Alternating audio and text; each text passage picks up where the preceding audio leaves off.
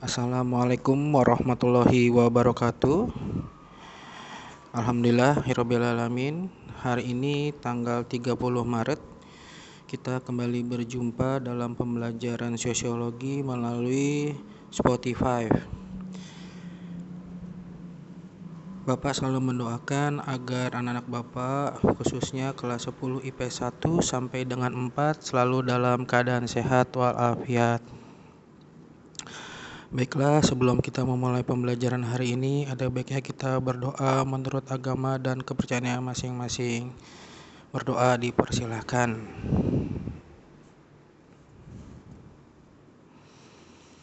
Selesai? Baiklah, kita akan melanjutkan materi kita tentang hubungan gejala sosial dengan penelitian sosial.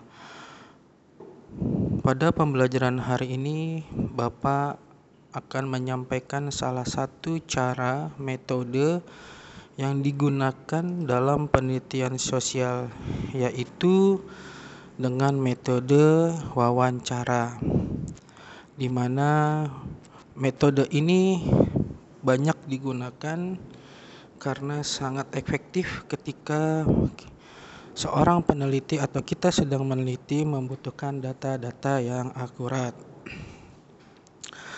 Sambil kalian persiapkan buku catatan atau pensil atau pulpen, boleh kalian catat di LKS atau di buku catatan. Wawancara adalah cara pengumpulan data dengan, mengadak, dengan mengadakan kontak langsung dengan narasumber atau adanya interaksi langsung biasanya dengan bertatap muka pada saat melakukan wawancara atau interview, di mana si pewawancara atau kita yang melakukan penelitian meminta keterangan atau penjelasan tentang masalah yang sedang kita teliti, di mana yang diwawancara sebagai narasumber dan kita bisa mencatat mencatat jawaban-jawaban dari yang kita wawancarai.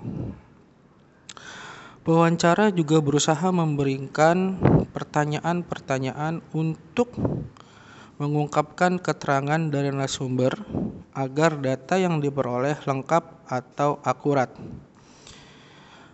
Narasumber diharapkan dapat memberikan keterangan yang jelas, lengkap, dan jujur.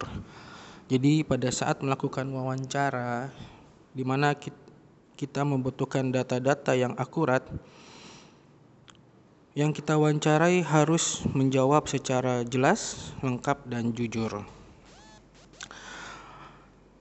Tujuan wawancara bertujuan memperoleh data-data primer dari sumber informasi yang ada atau sampel dalam hubungan dengan tujuan penelitian yang ingin kita capai. Metode ini sangat efektif karena kita langsung berhadapan dengan orang atau yang kita wawancarai yang mengalami kejadian atau yang menjadi kunci saksi mata. Fungsi wawancara dapat berfungsi deskriptif, yaitu melukiskan kenyataan seperti yang dialami oleh orang lain. Bapak ambil contoh gambaran kehidupan gelandangan, masyarakat desa, tukang becak, dan lain-lain. Yang tadi Bapak sebutkan adalah faktor-faktor salah satu dari kemiskinan di mana kita bisa mewawancarai seorang gelandang mengapa terjadinya kemiskinan atau faktor apa yang membuat dia menjadi gelandangan. Berdasarkan dari wawancara tersebut, kita dapat memperoleh hasil penelitian dan gambaran yang lebih objektif tentang masalah yang kita selidiki atau yang sedang kita wawancarai. Fungsi lainnya dari wawancara dapat pula berfungsi eksploratif, yaitu masalah yang kita hadapi adalah masalah yang samar atau yang seperti Bapak sampaikan kemarin adalah menerka-nerka, belum dapat diselidiki orang-orang lain. Kita dapat melakukan penelitian tersebut dengan mewawancarai orang-orang yang perlu kita wawancarai. Contoh, belum ada yang meneliti tentang dampak pelaksanaan wajib belajar terhadap masyarakat desa, manfaat, manfaat koran masuk desa, dan segala macamnya. Oleh karena itu kita mengadakan wawancuri, wawancara, maaf, wawancara sebagai studi eksplorasi dengan sejumlah sampel yang dipilih tentang masalah-masalah tersebut. Metode wawancara ada juga wawancara berencana. Dalam wawancara berencana, berencana terdapat suatu daftar pernyataan yang telah dirancang atau dirancanakan atau disusun sebelumnya. Semua responden yang diwawancarai diberi pertanyaan yang sama dengan kata-kata dan urutan yang seragam. Kalau tidak salah Bapak pernah meminta kalian untuk melakukan penelitian sosial penelitian sosial kecil yang kalian lakukan terhadap ojek online atau saling bertanya dengan teman kalian tentang pelajaran jarak tahu pelajaran jarak jauh ini atau online yang pernah kita lakukan di semester ganjil atau di semester 1. Ada pula wawancara tidak berencana. Pada wawancara tidak berencana tidak ditemukan daftar pertanyaan dengan susunan kata atau urutan yang harus dipatuhi pewawancara seperti pada wawancara berencana. Jadi bedanya kalau wawancara yang kita laku yang berencana kita menyiapkan dulu nih. Kita menyiapkan pertanyaan-pertanyaan materi-materi yang akan kita tanyakan kepada orang yang akan kita wawancarai. Biasanya wawancara tidak berencana itu bersifatnya responsif. Ya, seketika langsung melakukan pertanyaan dengan keadaan sekitarnya. Wawancara biasanya terstruktur dengan rapi. Ya. Ada juga wawancara tidak berstruktur yang meliputi sebagai berikut Wawancara terfokus terdiri dari pertanyaan-pertanyaan tidak mempunyai struktur tertentu tetapi tetap terpusat pada satu pokok.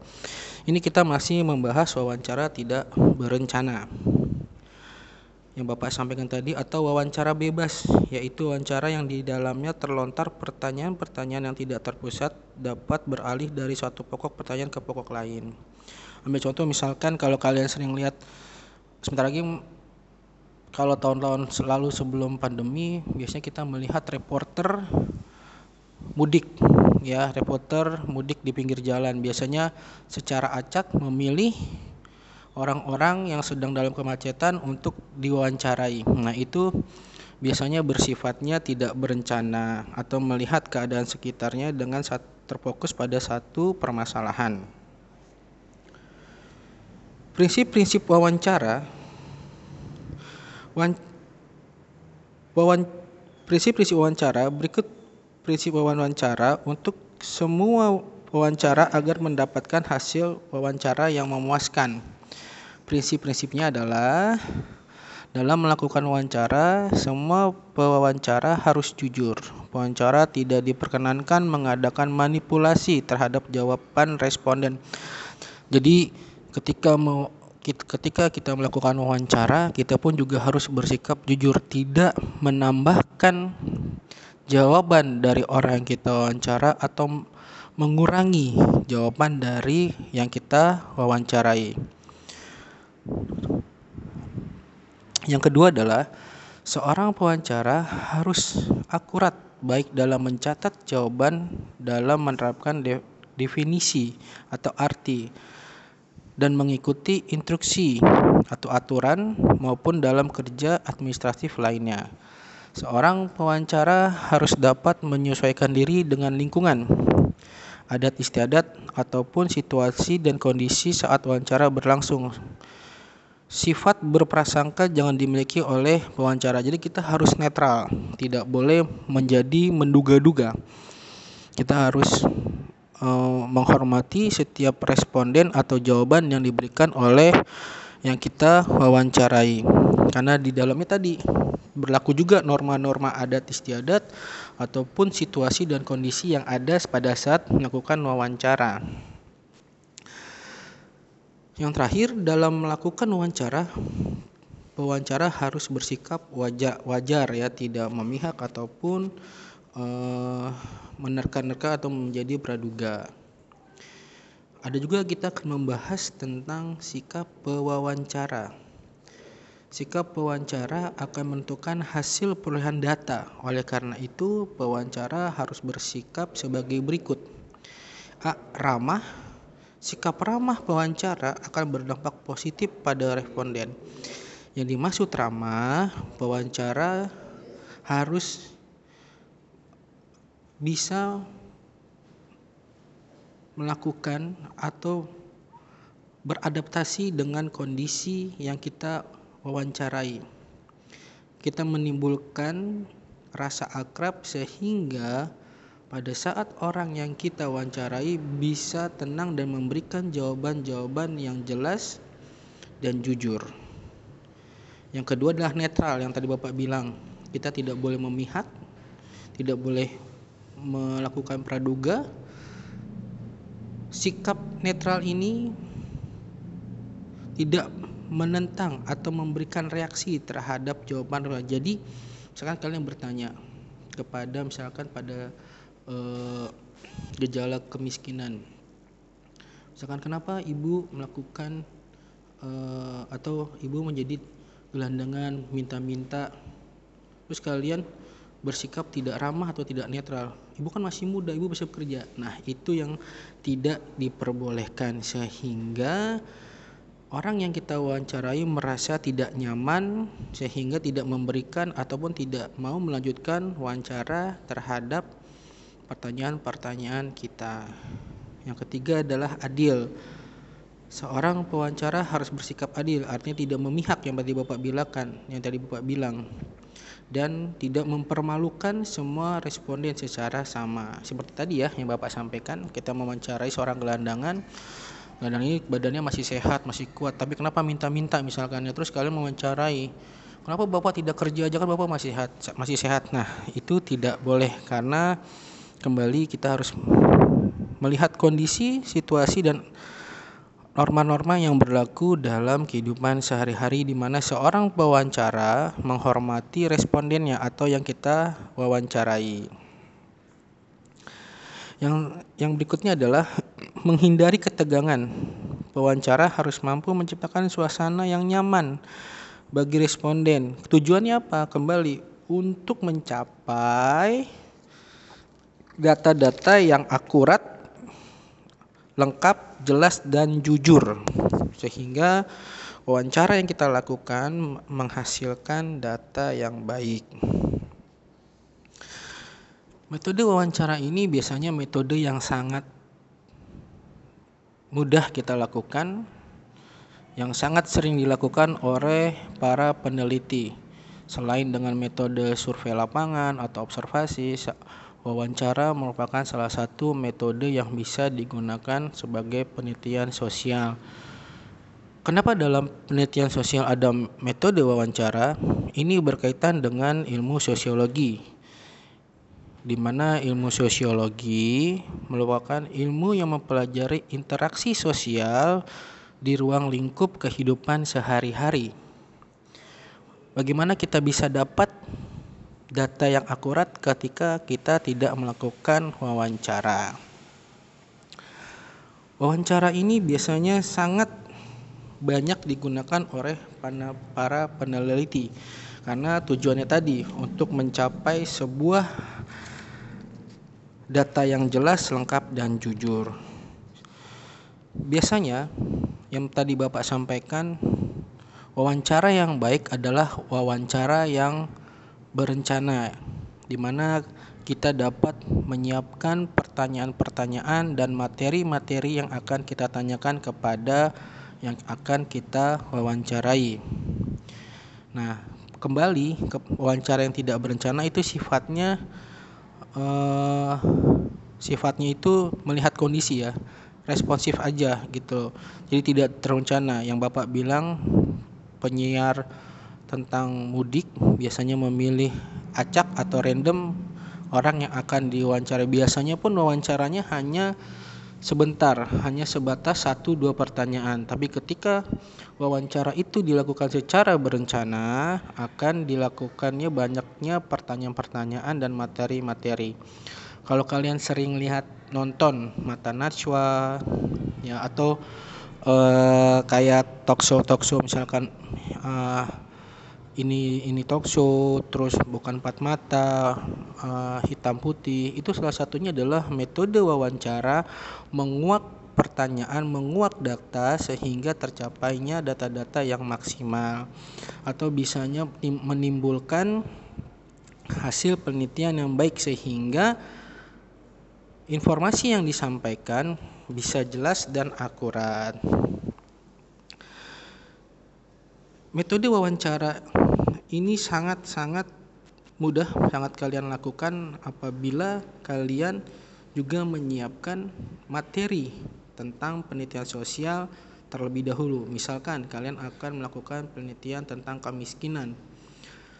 Kalian mengumpulkan data-data atau pertanyaan-pertanyaan sehingga ketika kalian akan melakukan wawancara kalian sudah siap. Itu yang dimaksud dengan metode wawancara secara berencana. Kalau kalian melakukan penelitian yang tidak berencana, contoh misalkan kalian ingin melakukan penelitian, tapi kalian tidak siap melakukan atau tidak siap dengan materi atau pertanyaan yang ada, kalian bisa melihat kondisi sekitar lingkungan yang akan kalian wawancarai. Contoh, misalkan yang paling simpel adalah kemiskinan. Misalkan kalian melihat uh, seorang gelandangan. Kalian lihat sekitarnya, apakah salah satu faktornya lingkungan atau yang lainnya. Mudah-mudahan kalian dapat mengerti tentang metode wawancara ini. Uh, Bapak akan memberikan uh, tugas di Google Classroom. Silakan kalian lihat tugasnya. Tugasnya hanya beberapa soal saja, sangat mudah. Bisa kalian lihat di Google Classroom. Terima kasih sudah mengikuti pembelajaran hari ini. Semoga kalian selalu sehat selalu. Semoga di akhir semester ini kalian semakin fokus dan semangat karena sebentar lagi akan kenaikan kelas. Sekali lagi terima kasih telah mengikuti pembelajaran sosiologi. Bapak tutup. Wabillahi taufiq walhidayah. Wassalamualaikum warahmatullahi wabarakatuh.